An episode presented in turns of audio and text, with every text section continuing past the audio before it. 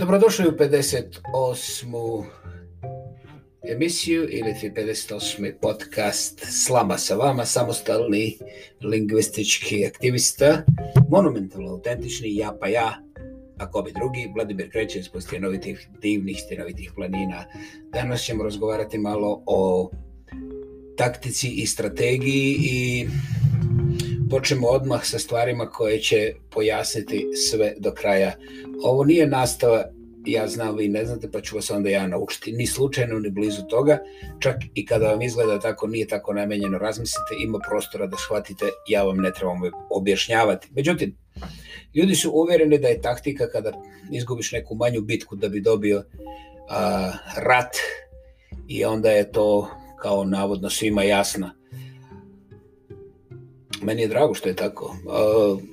Svaka budala postaje odličan strateg kada njegova strana pobjedi i to čak kada on uopće nema nikakve zasluge za to. Svijet je prepun heroja koji su moralne nule, Nikogovići, ali obzirom da pripadaju vrhu sistema, onda, bože moj, ne možeš reći ništa, ne smiješ reći ništa i to bi onda trebalo biti strategija, šta bi onda trebalo biti taktika, ja ne znam, ali kada malo bolje razmislim, a, sve to skupa je nepotrebno dirati, međutim moram zbog toga što moram zbog toga što moram.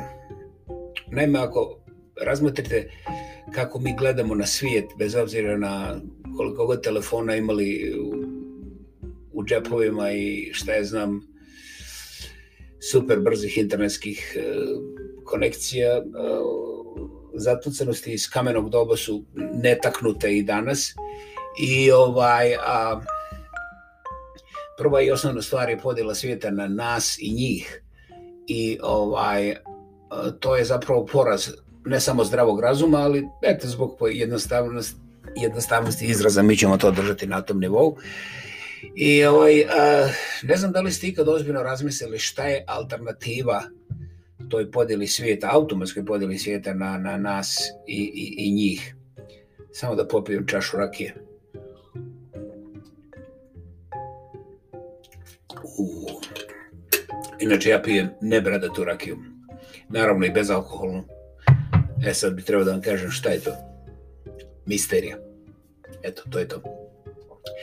Dakle, šta je stvarna alternativa? Da li je neko od vas, a među vama i učitelja, svojim učenicima, bez obzira da li su drugi razred osnovne ili drugi razred srednje ili ne do Bog čak drugi, druga godina nekog fakulteta, postavio alternativu, postavio pitanje šta bi bilo alternativa tom automatskom, automatskoj podjeli na svijeta mi, oni, kao ono unutrašnje vanjsko, onda zaštićeno, nezaštićeno i ne znam, mislim, skratim i vratimo se na početak.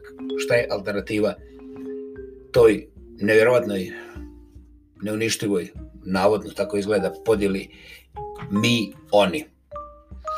Uh, ja ću nastaviti bez odgovora jer to možete sami.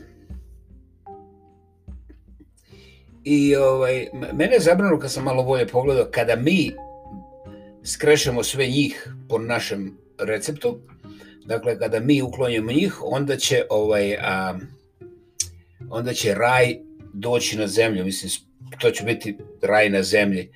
Dakle, kada najzad damo kompletan odgovor tom pitanju mi i oni, kad budemo samo mi na ovoj planeti, onda će raj doći na zemlju.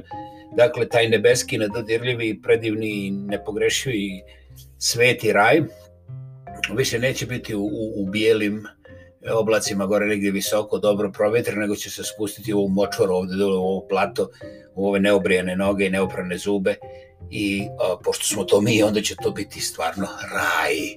Hvala, izvolite, uzmite i moj dio ovaj, bez pregovora. Dakle, a, tu je bio moment gdje sam počeo razmišljati kako strategije nema, jer naša osnovna gledanje na svijetu, dakle, kada uklonimo dušmane, onda ćemo biti svi dobrohotni, dobri i ovaj, bit ćemo bolji od komunizma čovječe, ono, ču, ludilo. A, interesantno je primijetiti da svaka religija tumači svijet kao jedan, jedno unum i da ima jednog Boga. Umeđu vremenu, da bi to dokazalo, ono mora da doslovce pobije, uništi sve te dušmane svoga vjerovanja. Zamisli, mora da pobije dušmane svog vjerovanja.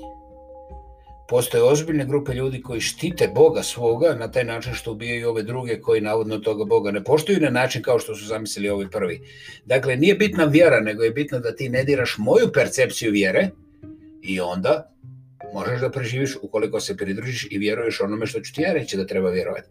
Jer to što ti vjeruješ je pogrešno. Vidiš, ja sve znam. Ovaj, wow, i nema problema, ali tako? Pa da, kako se prije nisam sjetio. Dakle, vrlo je interesantno ovaj, da niko ne primiti koliko je to uh, samoinducirane suicidalne i gotovo bih rekao totalne promašenosti. Ne, zašto nije apsolutno totalna? Pa zato što je brljiva, zato što je amaterska, zato što je um, neljudska u svojoj suštini. Mi raspravljamo recimo kako je svijet, neko nam je uguro u glavu kako je svijet prenapučen, jer kao 7,5 milijardi ljudi, to je kao strašno puno.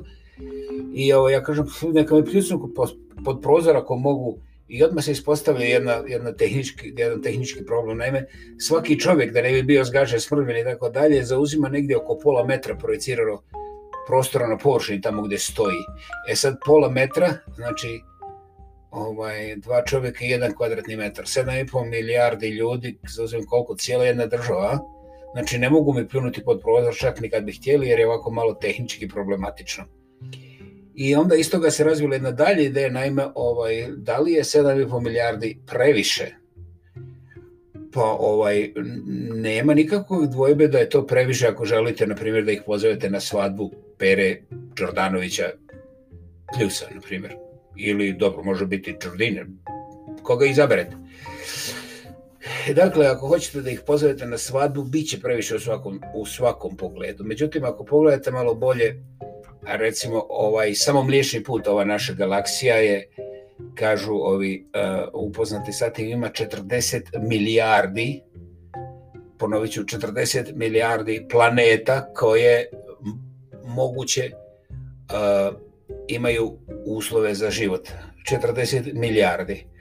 To znači kada bi na svako od tih planeta postali po jednog čovjeka da bi nam još debelo falilo ljudi. Samo po jednog, da ima sve za sebe. Znači, ovaj, u ovom momentu nama fali još 35 milijardi ljudi da bi imali samo po jednog čovjeka na svaku planetu, ono malo da stražari, da ima svu svoju planetu, da je malo uredi, razumiješ, ono lijevo desno.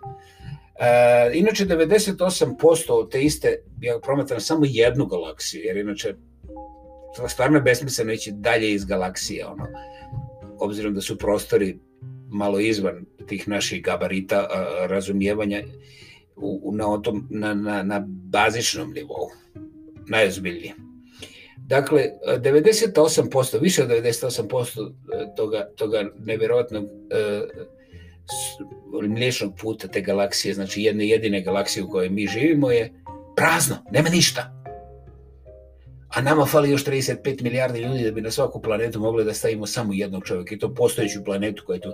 Znači cijela planeta je jedan čovjek. Dakle, e, meni nije jasno kako ti svećenici, ti umovnaci, umovnjaci, ti pusti stratezi i tako dalje nisu primijetili da insistiranjem na tome kad mi pobjedimo njih i ovaj, kad svi budu vjerovali samo ono u što vjerujem ja, onda će sve biti raj, svi će dozgo sa nebesa, ravno ovdje u blatu ove močvari, onda će postati, pff, onda će biti svi gice za trice, mislim, čudo živo.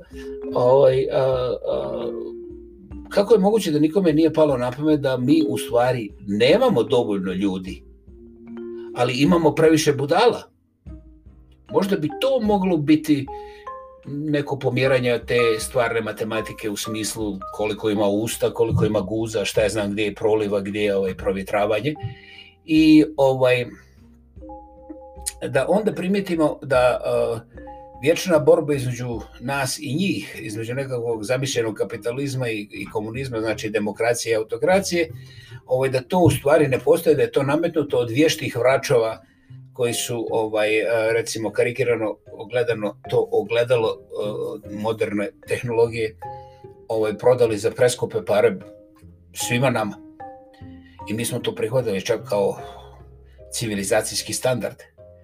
Dakle, e, mi imamo ozbiljan kancer, kancer shvatanja našog, našeg položaja u civilizaciji koja to nikada nije bila.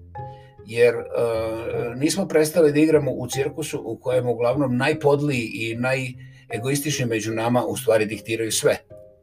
Aha, ja ću to ponoviti. Najpodliji i najegoističniji među nama dvonožnjima diktiraju sve.